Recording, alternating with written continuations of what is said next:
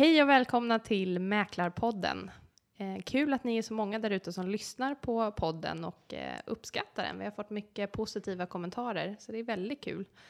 Eh, och det får oss verkligen att vilja fortsätta. Men nu är det dags för nionde avsnittet där vi ska diskutera mäklaryrket då och nu, eller igår och idag som man också kan säga. Dels hur mäklarrollen som sådan har förändrats, men också fördomar om då och nu, samt vad vi tror om framtiden. Då kör vi igång!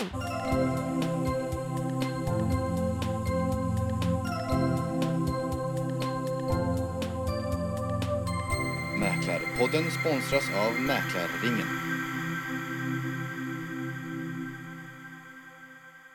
Och då säger jag välkommen till dagens gäster Georg och Andreas. Välkomna! Hej, tack. Tack så mycket. Kul att ni är här. Kul att vara här. Ja, Eh, och man får väl säga att ni representerar då den kanske äldre och yngre generationen, kan man säga det? jag är den yngre. högre, högre generationen. och det ska bli väldigt kul att höra era tankar om, om det här. Men, men först och främst kan ni berätta lite kort om er själva och hur länge ni har jobbat som mäklare. Hejsan, jag heter Georg Karnegärd. Jag har jobbat som mäklare sedan 94, alltså 22 år. Då. Och jag får representera den äl- äldre stammen. Verksam i norrort, i Mäklarringen. Jag har varit eh, sen, ja, hela tiden, sedan 94 faktiskt. Andreas heter jag. Eh, Jag var tre år när Georg började mäkla. Eh, Har jobbat i fem år. Så att eh, jag är väl den yngre generationen då kanske. Ja. Och vad hade ni för tankar om yrket innan ni började som mäklare? Jag, jag, jag trodde att det var, en, eller det, det var lite som jag trodde på den tiden, för det var inte så internetbaserat, utan det var mer fysiska möten, ut och titta på husen. Jag trodde dock att det var mer tekniskt än vad det är, just när det gäller fastigheter. Det är ju mer eh, administrativt än vad jag trodde. Det har blivit genom åren. Förut var det mer hands-on och man var på plats och det var handslag och lite åt det hållet. Va? Den tiden kan man säga är lugnt förbi. Då. Mm. Vad var din, dina tankar Andreas om yrket innan, när du började? Jag hade väl inga egentligen förväntningar på yrket innan jag började. Jag ramlade in på en gymnasiepraktik för massor av år sedan och sen så gick åren och jag hade inga tankar på att bli mäklare men sen så kom jag i kontakt med Georg och eh, sen dess ramlade jag in på det. Jag trivs bra och mina förväntningar på yrket är väl att det kan väl utvecklas åt det positiva. Mer och mer kanske. Men vad, hade du någon, att det var typ säljyrke eller vad hade du för tankar om själva yrket? Frihet under ansvar och eh, ett socialt jobb, vilket som funkar mig. Jag har svårt att sitta 9 till 5 bakom en dator på ett kontor och inte kunna disponera min egen tid. Eh, Det här passar mig bättre när det kommer till friheten och frihet under ansvar. Det gillar jag. Kunna disponera min egen tid på ett bra sätt. Så man kan säga att dina förväntningar uppfylldes då? Ja, men det tycker jag. Sen så är det ju det är mycket mer jobb än vad jag trodde det skulle vara. Jag trodde det skulle vara mycket lättare. Eh, Men det är ju långa dagar. På vilket sätt mer jobb? Nej, men allting tar så mycket längre tid än vad man tror. Att innan jag började så såg man väl kanske på ett hus på Hemnet och tittade på dem och så förstod man liksom inte hur många timmars jobb det ligger bakom det med allt från första mötet till att det faktiskt ligger live och visningar och sådana saker. Så det är mycket jobb, och, men det är jävligt kul jobb. Och dina förväntningar, Georg, tycker du att eh, de uppfylldes lite eller? Absolut. Jag har ju fått vara med om en fantastisk resa just när det gäller yrket och dess omvandling som bara har accelererat och så vidare. Internets, eh, Hemnets introduktion, Blocket, alltihopa. Eh, det är mycket snabbare takt nu än vad det var tidigare. Det ska man ha klart för sig. Förut så var det sävligare tempo. Idag går det otroligt snabbt jämfört med då. Men eh, mina, eh, mina förhoppningar, de har infriats. Mina tankar om yrket, det har infriats. Och det här är fortfarande ett fantastiskt yrke, det ska man klart. Eller det här är ett fantastiskt yrke, det ska man ha klart för sig. Vad är lång tid kontra kort tid? Alltså, det, förut hade man visningar och alltså, publikationer, eller man annonserade objekt. Det fanns inte internet, utan annonserade man i tidningen. Det var på det sättet då. Och sen så hade man till saluskyltar på bankerna, vilket man har idag också. Då. Men internets introduktion, det förändrade ju liksom eh, tiderna, ställtiderna helt enormt. Jag menar, förut var det när man höll på och folk upptäckte att sakerna var sålda, det är när de ringde till en och frågade du, jag såg en annons här i tidningen förra veckan. Och då sa man, nu, den är såld tyvärr. Oj då, det gick fort. Eh, det är ju inte riktigt så idag. Allt sker på minuten och jag menar, eh, tillgängligheten från vår sida är mycket, mycket större. Jag var ju med liksom vid bi- mobiltelefonernas introduktion också. Så att eh, tillgängligheten har blivit enorm. hastigheten har blivit helt annorlunda och jag säger inte att det är fel utan det är snarare rätt. Eh, informationen har blivit mycket, mycket mer lättillgänglig. Vilket, eh, vilket sätt uppskattar du mest att ha jobbat med? Ja, men det är, alltså om man ser det här som ett serviceyrke för att hjälpa människor så är det det som är roligast. Jag menar, det är olika människor i, i olika faser i livet. Folk som flyttar ihop och ska större, folk som delar på och ska mindre, folk som får utökad familj och så vidare. Det är att få hjälpa till och se det som ett tjänstyrke från början till slut. Det är en resa, få vara med på hela den här resan. Många av kunderna blir ju personliga vänner därefter. Då är det kul. Och du har kanske hunnit eh, få en del återkommande kunder då? Ja. Under det här året? Vi resonerar som så att tre år ska man behöva ha på sig innan det blir återkommande kunder. Eh, då ska man kunna, kanske inte leva på det, men i alla fall en tredjedel ska vara återkommande kunder. Svarar jag. Har du hållit på då så länge som jag så bör du bara kunna leva på gamla kunder. Härligt. Andreas, om vi pratar med dig. Ja. Vad trodde du om yrket förut? Nu har Georg nämnt lite här, men vad tänkte du innan? Om yrket hur det var förut eller hur det skulle bli? Ja, hur det var förut. Oj, ehm, tänkte nog inte så mycket på det. Jag tror däremot nu att det kanske var mindre reglerat för. Nu känns det som att man är väldigt övervakad. Media kanske skrev mindre om, om mäklaryrket då. Det kanske var lite, jag ska inte säga slappare, men lite min, alltså det krävdes inte lika mycket utbildning kanske och inte lika långa utbildningar och man, det är lite, ja men lite enklare att bli och kanske till och med lite mindre reglerat och lite mindre övervakat från media och från olika branschorganisationer och så. Jag vet inte, stämmer det? Ja, det är helt rätt. Jag, jag tror inte vi var eh, sämre pålästa, utan eh, idag det har blivit mycket, mycket mer regleringar. Det har blivit mycket, mycket mer eh, övervakande än det var tidigare. Det har blivit mycket, mycket mer eh, kunniga, både köpare och säljare, eh, måste jag säga. Eh, mycket, mycket mer frågeställning. Eh, och sen eh, det här med budgivning fungerade ju inte på, för länge sedan på det här sättet direkt. Liksom. Jag hade ju förmånen att börja en, eh, precis efter fastighetskrisen och då var det liksom negativa budgivningar. Den som prutade minst var den som fick köpa. Mm-hmm. Eh, men det går ju upp och ner genom tiden så att säga. Så, att- men du har helt rätt, det var mindre kontroller och det var liksom, eh, det, bara en sån sak att i början när man skrev kontrakt så skrev man det på skrivmaskin med karbonpapper emellan. Och sen kom eh, eh datatiden och det blev, det för, bara där förändrades det mycket. Och sen kom internet och då blev det ju eh, en fantastisk utveckling. Sen Verkligen. kom det revolutionerande verktyget fax. Ja, ja vi- fax körde vi mycket också. Ja. Otrolig redskap. Eh, är kul att se. Men där, däremot tycker jag att nivån på mäklare har höjts otroligt mycket. Det har det faktiskt gjort. Eller med de här högskoleutbildningarna och så vidare. Det blir Ja. mycket, mycket bättre. Vi kör ju, det finns ju två, tvååriga och treåriga utbildningar så det är ju antagligen därför som, som nivån har höjts. Hur länge, Ja. hur länge pluggar man när, när du är tog man en korrespondenskurs och så åkte man till Norrköping och tentade av. Så det gick fort? Det gick fort. Ja, det kunde man göra, köra igenom på något halvår för mig. Ja. Ja, perfekt. Jag måste ju säga att jag använde också fax när jag började arbeta, så att jag kanske inte är så... Så gammalt är det Gammal. inte. Nej, du ser. Ni är så gamla ni två.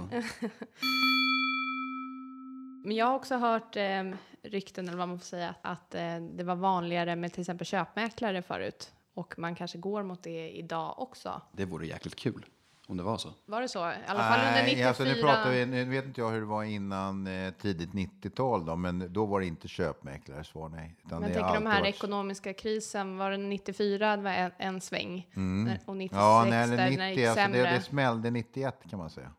91 var det. Och att man då fick jobba lite mer med köpare också, att åka runt till objekten och visa flera med samma person. Ja, jo, men så, så blir det automatiskt. Jag menar, när, du, när, du en, när du har en köpare som är intresserad av att köpa någonting, ja, då får du ju bjuda till eh, mycket hårdare än som det har varit de senaste åren, att köparna står i rad. Liksom. Mm. Så att, eh, men det var aldrig köpmäklare på det sättet. Svar nej. Det Nej. måste varit före mig i så fall.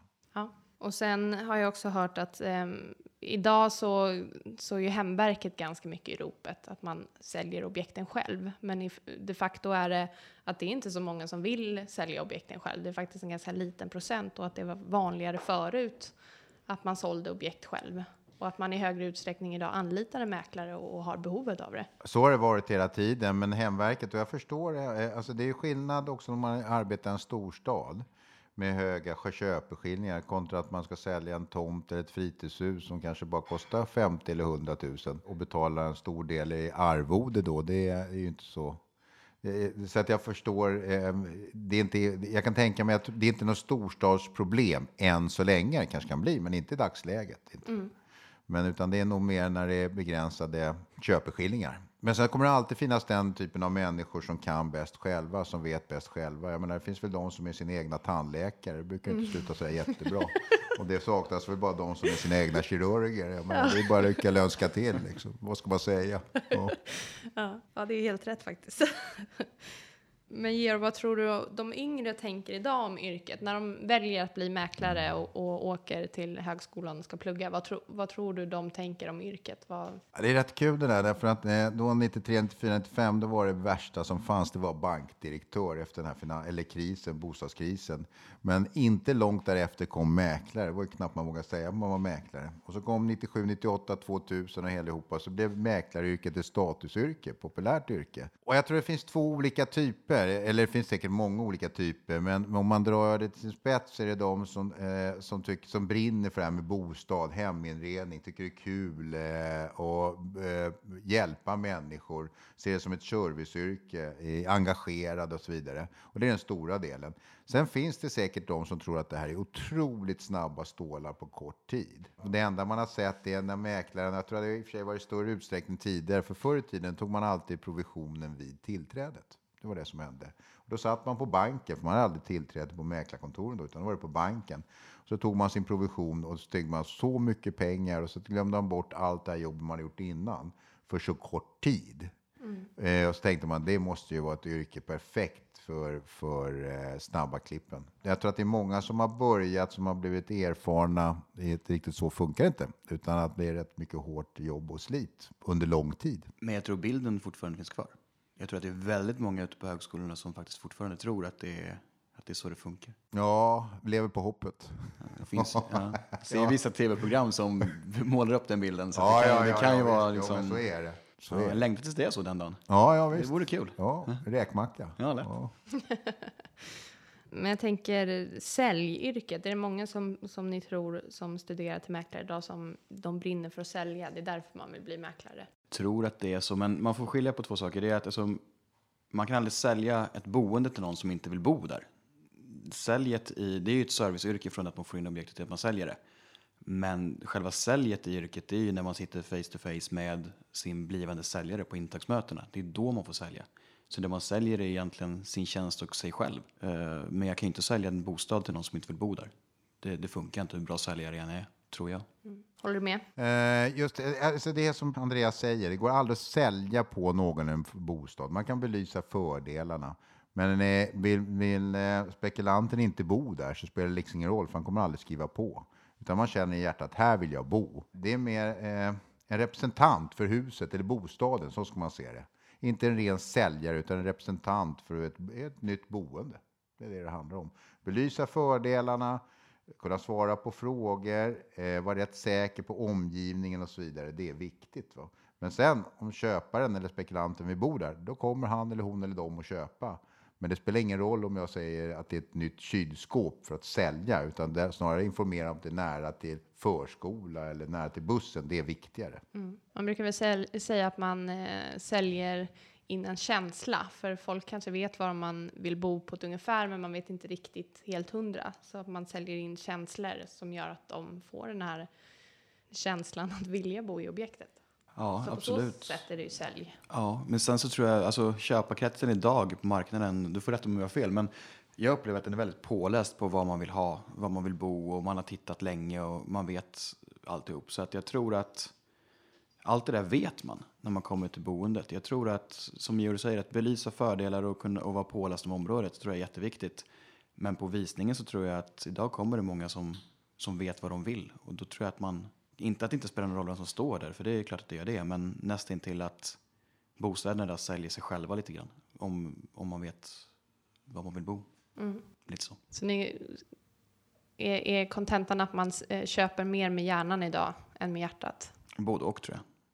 Men jag tror att man köper kategorierna idag, i alla fall de som kommer på mina visningar, är väldigt pålästa om de vet mycket om området de tittar i. För de har tittat där förut och läst på om det. Mm. Så att det, det, det känns så. Det är svårare eller lättare att sälja då? Men vet, alltså, kommer det ett gäng köpare som vet att de vill bo i området så underlättar det mitt arbete mycket, mycket bättre. Mm. Såklart. Den här pålästheten idag ger, skulle du säga att det är svårare att sälja?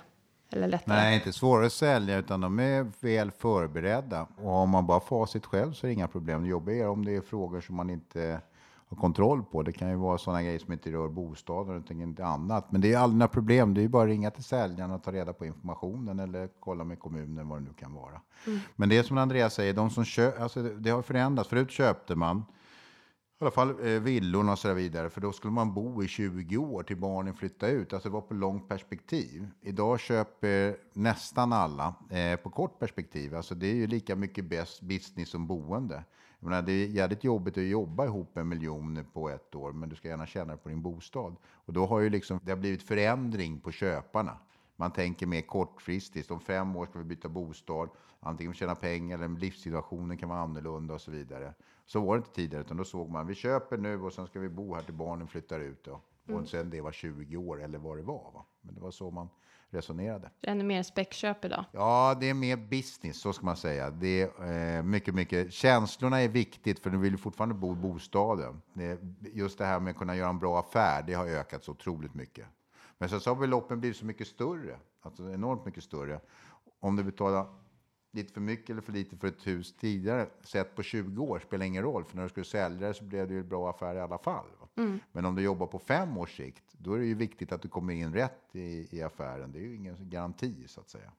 Nej. Det går mycket fortare nu. Jag menar, om tittar på, idag kan man ju, lever man ju online. Man ser ju på budgivningarna, den dagen budgivningarna eh, tar stopp så syns ju det på en gång. Så var det inte förut, utan då annonserar man vidare och så blev det en mjuk inbromsning. Nu går det ju på, på dagen, liksom, både när det kör igång och när det tar stopp. Så man, är, man, le, man lever, som spekulant idag lever man mycket mer i marknaden än man hade möjlighet att göra tidigare. Man kan övervaka marknaden mycket, mycket bättre. Och jag menar, det finns ju rätt gott om hemknankare. Var- Det spelar ingen roll vad det är. Alla är ju fascinerade av bostäder. Så är det ju. Den perfekta affären. Alla vill göra den perfekta affären. Så är det ju. Därav ökningen av eh, antalet mäklare också då kanske. Svar ja. Georg, tycker du att vi har tappat något idag som ni eh, gjorde förut? Jag tänker mest på arbetssätt eller hur man hanterade kunder eller är det något förut som, som man börjar tappa som du... Det- Så här är det, man inte låta grå och trist, va? men det är klart att det har förändrats. Förut var det personliga mötet och telefonsamtalen oerhört viktiga. Så är det ju inte idag. Idag sker ju mycket av kommunikationen via sms och mejl. Så att eh, man hade, man, man hade ju möjlighet att lära känna både köpare och säljare på ett djupare sätt tidigare. Så var det faktiskt. Idag så blir ju informationen mer regelbundet, mer intensivt, men den sker digitalt. Liksom. Så att det var väl lite roligare för tycker jag. Det är så många andra fördelar som gör att det är bättre nu, så det är inte det. Men, men det är en sån grej, om du frågar mig vad kan vara tappat? Det är det personliga mötet i större utsträckning än vad det var för tidigare. Alltså då gjorde man en resa tillsammans, både köpare och säljare, under lång tid med intensiv telefonkontakt. Idag gör du det också, men inte lika intensivt, inte lika mycket, för många saker sköter du ju praktiskt via mejlen. Eller med eh, smset. Det känns inte att det är lite så i alla yrken nu. Man, förut hade man ju sin personliga bankman, man hade sin husläkare, man hade sin hustandläkare. Nu är alltså öppet och transparent att man söker på nätet på recensioner och sen går man till någon. Det betyder inte lika mycket med den där personliga kontakten. Eller? Nej, men mycket har blivit digitaliserat. Och vi går ju mot det, den typen av samhälle. Det ska bli kul att se hur länge papperstidningar, tryckt press håller. Liksom. Allting går ju mot det mediala och allting går ju mot internet. Så är det ju per automatik och så har det ju varit ganska länge nu. Alla går ju runt med en dator i fickan slarvigt sagt. Så att det går väl dit. Personligen tycker jag att det, men det är bara min egen tanke, det är att det börjar nå en peak. Att det blir för mycket förslag. Så jag vill liksom backa lite och få den här personliga servicen och personliga relationen med, med olika serviceyrken egentligen. Men får man den, den kontakten med sina säljare, man kan ju skapa den själv. Bara för att samhället går åt ett håll, bara för att man sköter mycket via dator och mail så betyder inte det att man faktiskt inte kan plocka upp telefonen och ringa. Utan jag tror att jag har försökt ha väldigt tät telefonkontakt med mina kunder och det är de väldigt tacksamma för istället för att få ett sms som är väldigt opersonligt. Jag tror att prata med kunden istället för att prata bakom en skärm tror jag alla gånger alltid kommer vara mycket bättre. Om du inte kan få till ett personligt möte. För face-to-face-mötena tror jag alltid kommer vara bäst. Oavsett hur digitaliserat samhället kommer bli. Mm. Kanske inbringar trygghet. Det tror jag absolut. Sen kan man väl få sms personliga, eller? Jag vet inte. Hörrni, ni har ju berört lite grann kanske vad man tyckte om mäklare förut. Men vad skulle ni säga att den stereotypa mäklaren var förut? Alltså när jag började yrket för- förut, det var ju, alltså när man var på de här årsträffarna eller Fastighetsmäklarförbundet eller Mäklarsamfundets eh, träffar, då var det mest gubbar. Och när jag menar gubbar, det, de var liksom i, som jag 50 plus. uppfattade det då i alla fall, och som du gör med mig nu i 50-årsåldern.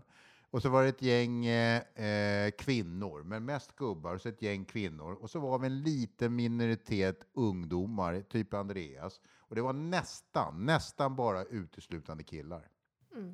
Alltså det var otroligt lite tjejer, det var en del kvinnor, det var unga eller yngre killar och mest gubbar. Mm. Andreas, vad, vad, är, vad var din bild som du trodde att den typiska mäklaren var förr? Faktiskt ganska exakt det som Georg beskriver. Alltså äldre, gubbe. Ja. Du sa tidigare här eh, bilförsäljare. ja, får man säga så? Mm, vad, var det, vad är det? Krängare liksom.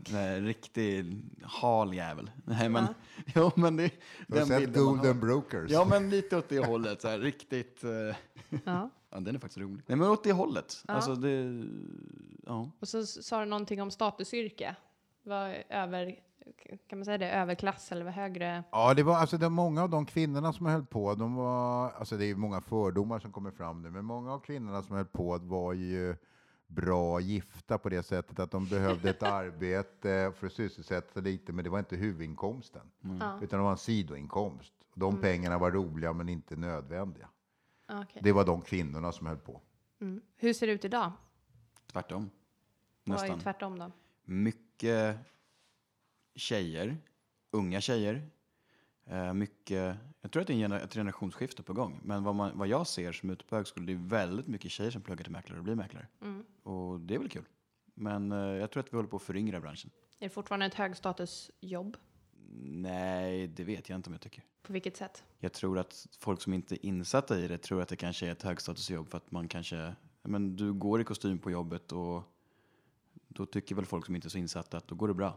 Mm. Men eh, högstatusjobb tycker jag väl inte att det kan vara. Nej. Det är väl som Georg nämnde tidigare, att man, man tänker att mäklare tjänar bra med pengar. Jag tror att det är en gammal bild som man har kvar. arbetet. Nej, men jag tror att det är en gammal bild som man har kvar av, eh, av mäklaryrket. Jag tror att det var så förut att man hade, det är en nidbild som har, som har blivit ett, ett rykte som bilförsäljare. Man, man lurade folk på mycket pengar, snabba affärer, att det var sånt. Fast det inte var så som vi har fått utrett idag. Men jag tror ändå att den bilden lever väl kanske kvar. Mm. Men så är det inte. Nej. Jag måste ju säga att statistiken säger ju att det är fortfarande många medelålders män kvar då, i yrket. I alla fall i hö högre, om man ser det i olika Högre ålderskategorier. eh, så är det det, för att kvinnorna slutar efter några år. Det är nästan 40 procent av alla tjejer som slutar mellan ett till tre år i yrket. Det är lite synd. Eh, kanske för att man har en uppfattning om att det är svårt att kombinera med familjeliv och annat. Vilket vi har bevisat i podden tidigare att det inte alltid är så. Utan man har ju också, som ni också har nämnt, flexibla arbetstider och att man kan styra sin tid själv på ett annat sätt. Jag tror att yrket är väldigt individuellt, alltså individstyrt. Jag Mm. tror att det, man ska nog vara ganska medveten när man går in i det, att det inte är ett yrke utan att det blir en livsstil slut. Och kan du kombinera det, ditt nuvarande liv med ett yrke som också blir ditt liv, så tror jag att då kommer man lyckas med det. Allting går med lite planering och man ska nog vara inställd på att det är en livsstil snarare än ett yrke. Mm. Eller vad säger du, Georg? Är det positivt att fler kvinnor kommer in och hu- hur ska man bevara dem i sånt fall? Det är nödvändigt faktiskt. Och det, alltså det, som vi, det som man själv ska hoppas sin uppfattning på, det är på de här träffarna. Och då ser man ju att det har förflyttats. Förr tillhörde man yngre människorna, nu tillhör man gubbarna.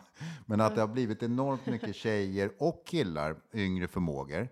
Och som att det är, att det är härligt för det är blandade nationaliteter. Eh, tycker jag är jätteviktigt. Och det är fantastiskt. Så jag tycker det yrk, eller yrket på det sättet har så mycket att bidra med, kan göra så jäkla mycket bra. Och sen kommer det alltid finnas eh, för och nackdelar med alla yrken. Men att vara fastighetsmäklare idag, det är inte ett yrke utan det är ett kall.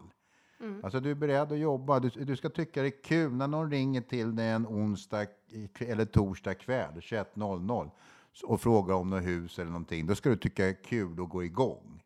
Då har du rätt kall för det här yrket. Det som jag också tycker är bra, det som förändras här, det är att vi får lite mer stabilitet i yrket. Att förut levde man bara på provisionslön. Det fanns inga garantilöner. Det, liksom, antingen sålde man någonting, då tjänade man pengar, eller också sålde man ingenting, och då tjänade man ingenting. Då kunde man inte betala hyran om man inte hade bufferterat eller hade rika föräldrar. Det här yrket, alltså det blir så otroligt stor press och det är där, därav man tappar de unga kvinnorna, tror jag framför allt. För att det kommer andra, dels det här pressen, i och för sig det är ni duktiga på, så det är nog inte en stor grej. Men med barnafödandet till exempel, då blir det ju som så att man kommer att hålla upp ett litet tag. Alltså det måste finnas större social trygghet i mäklaryrket.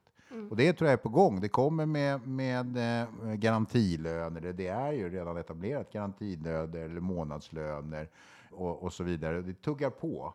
Och då kommer, då kommer kvinnorna kunna stanna, eh, liksom männen. För att jag menar, det är ju inte bara tjejer som slutar, det är ju många killar också. Jag menar, börja som mäklare sa man full, förr i eh, tiden, det var ju att ha en stor säck pengar i ryggsäcken. Eller en stor eh, ryggsäck med mycket stålar. Det var enda sättet att kunna försörja sig för de första två, tre åren. Det var ju minusaffär, så enkelt var det.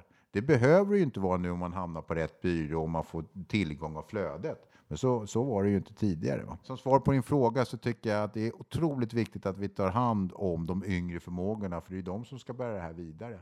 Sen tror jag att mäklaryrket, som alla med yrken, står inför en stor omvandling. Utan att veta, men vi kommer säkert kunna bli eh, köpmäklare mot det amerikanska systemet. Men sen så tycker jag, eh, jag tycker, jag, menar, jag vet inte om vi är riktigt mogna ännu för amerikanska stuket. Nej, inte än kanske, men jag tror att vi går ditåt och jag tror att det nästa naturliga stora steg blir säkert köpmäklare. Jag tror att det kommer utvecklas åt det hållet. Att det blir åt det million dollar listing. Och då får vi 6 procent, det har Det är sett på tv. jättebra. ja, men, och så får man behålla allt i fickan. Och alla bostäder går för 45 miljoner jag också sett. Ja, visst, det har jag också sett på tv. Då tycker jag vi går mot amerikanska direkt. Alltså. Allmänhetens bild av mäklare. Är det den här typiska bilförsäljaren idag eller är det backslick, eh, krängaren eller är det, är det en typisk medelålders kvinna? Är det allmänhetens bild också tror ni? Nej, tror jag inte. inte, jag tror Eh, inte Jag det. tror att det är präglat bara av, av de personliga mötena.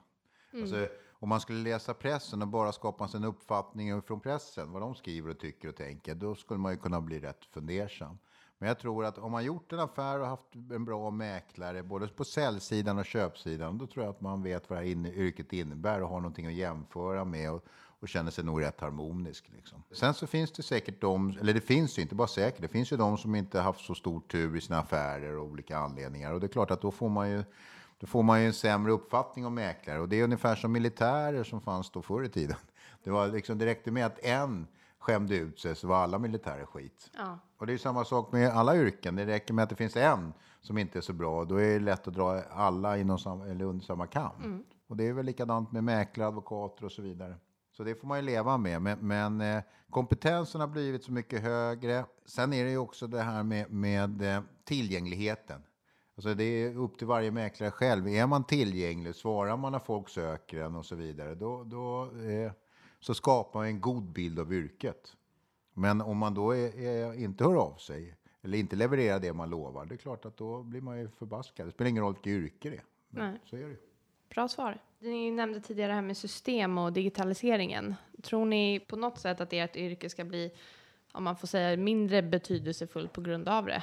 Just att allt sker online. Alltså det finns saker som du alltid kommer behöva hjälp med. Alltså du, en boende, jag tror inte du kommer kunna köpa en lägenhet eller ett hus över en annons på, på, ett, på Hemnet eller på en hemsida. Utan den tror jag att man vill gå och titta på personligen. Det kommer man inte kunna göra utan våran hjälp. Vårt yrke kommer nog inte förändras. Det kommer nog bara bli enklare att utföra. Med de här olika verktygen som finns. För att nu kan jag ganska enkelt. Jag såg att det var någon byrå som filmade visningar och, och hade sådana grejer för sig. Och då, du kan sitta var som helst och kolla på en visning och se hur det ser ut och kolla på bilder. Och är det någonting som är aktuellt. Jag tror ändå att du vill titta på det. Alltså jag, vill, jag tror ändå att du vill in där personligen och fysiskt i lägenheten eller huset och känna på hur det känns att vara där. Oavsett vad det finns för ve- verktyg. Vad tror du Georg? Vårt yrke som alla yrken kommer förändras och det håller på att förändras och det har förändrats och den förändringen är nödvändig. Och det, vi har varit inne på det lite, kanske blir köp och säljmäklare. Den digitala världen tar över, blir, man kan ju ha virtuella visningar och så vidare. Men eh, vi kommer alltid ha en funktion. Det kommer alltid vara, jag inte, vem vet, i, i framtiden kanske man är som mäklare kanske den mannen som utför, eller kvinnan som utför eh, energideklarationen, man gör besiktningen, man sköter juridik. Alltså, förstår du, man blir allt i allo. Man har en person som man anlitar till allting. Säg inte att det blir så, men det kan vara en utväg. Alltså det, det, förändring, det kommer att ske. Och det digitala, eh, det är bara ett hjälpmedel. Det gör det lättare. Menar, det är som man visar ett skärgårdsställe med den fotografering som är idag. Och man använder drönare och så vidare. Alltså det, hälften av körningarna ut i skärgården behöver man ju inte göra, för de var ju inte intresserade av det när de får se verkligheten. De som kommer nu, de är ju pålästa. De vet ju hur det ser ut i omgivningen, så det är inga överraskningar. Allt det där blir mycket, mycket lättare. Finns det något ni, ni tror om framtiden som ni verkligen tror på? Att så här kommer det nog bli. Tidningsannonserna kommer försvinna. Ja, Tror du det? ja. Helt säker. Och det är bara att prata om några år. Max fem år alltså, tror jag. Det är helt rätt. Det. Tidningsannonser det är ju till för att profilera mäklarna. Det är ju inte, idag är det ju inte så, så att man kommer och man köper, utan det är för att skryta vilken fin bostad man har förhoppningsvis. Och sen är det för att marknadsföra mäklarbolagen. Det är ju inte för konsumentens väl egentligen, för säljarens väl. Det är kul att ha den tidningen. Vi är fortfarande så att så vill ha det, men det är ju inget nödvändigt. Tyvärr, men det, så är det inte. Mm. Varför är det tyvärr? Ja, men det är väl mysigt på lördagarna och söndagarna sitta och titta i bostadsbilagan och se eh, på fina bostäder. Det är ju jättekul. Ja, helt rätt. Men det gör man på iPaden nu tror jag. Ja, visst. Faktiskt. Men det var ju på en wifi funkar. Ja, finns det några arbetsuppgifter då ni skulle vilja se mindre eller mer av i framtiden? Det är så, alltså jag har tänkt på det, det här med sjukhusen, deras journaler, poliserna, deras journaler och alltihopa. Jag har liksom aldrig förstått hur stort det är, hur mycket det är. Men jag förstår nu, därför att vårt yrke, det blir ju bara mer och mer administrativt. Det är mäklarjournalerna och så vidare. Allt ska vara utförligt dokumenterat. Det är penningtvätten, det, alltså det är allting. Det bara samlas på. Det är ju ingenting som främjar rörelserna på marknaden eller liknande, utan det är ju bara... Det, det svenska samhället är på väg mot det amerikanska. Stäm alla med en ansvarsförsäkring. Alltså man måste se till att gardera upp det här. Och det är även lagen, så alltså. det är ingenting att prata om. Men, men, det blir bara mer och mer administrativt. Och det blir mindre och mindre ute på fältet. Det är en fara. Ja. Sen kan man ju säga att staterna där så har man ju ambulerande mäklare. De sitter och tillbringar hela sina dagar i bilen. Det kanske det kommer hit också. Men det känns inte så nu. Utan det blir mer och mer att man måste vara på kontoret, dokumentera mycket, mycket noggrannare hela svängen. Som egentligen kanske inte alls gör någon skillnad för köpare och säljare överhuvudtaget. Nej, de märker inte det. Nej, och det är jag- ingenting som främjar säljarna. Nej, och inte köparen. Jag lägger fram journalen och får den påskriven på tillträdet och det är ingen som vet vad man ska ha den till och knappt jag själv heller. Så den, är, den tycker jag är helt onödig. Så finns det, om det är någon i riksdagen där ute som lyssnar, är det något ni kan eh, säga åt dem att, att för att främja rörligheten på marknaden? Ja, Men om man, man kan vända, främja rörligheten. Man kan här, det som är infört om man tittar de senaste åren så är det liksom nummer ett, vilket är jättebra. Man eller avskaffade fastighetsavgift eller fastighetsskatten. Man eh, tog bort förmögenhetsskatten. Det här gillar vi, det är ju kanon. Man försämrade uppskovsreglerna. Man införde RUT och ROT-avdrag. Och sen så kryddar man på med attefallslagen. Så att istället för att flytta eller köpa så man behövde ett rum till så kan man nu bygga ett rum. Inte i alla fall, men i många. Så allt, absolut allt som är gjort är för att göra marknaden mer trög. Inte snabbare, utan trög.